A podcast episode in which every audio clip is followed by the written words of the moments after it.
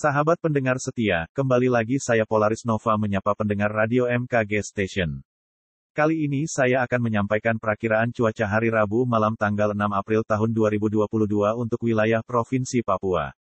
Berdasarkan informasi dari Balai Besar MKG Wilayah 5, pada malam hari wilayah Sarmi, Mamberamo Raya, Biak, Supiori, Nabire, Kepulauan Yapen, Waropen, Asmat, dan Merauke diperkirakan cerah berawan.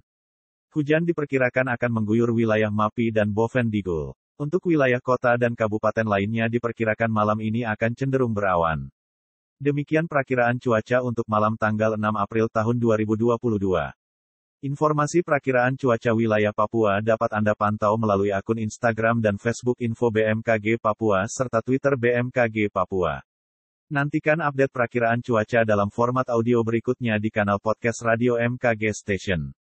Selamat beraktivitas di mana pun Anda berada dan tetap patuhi protokol kesehatan.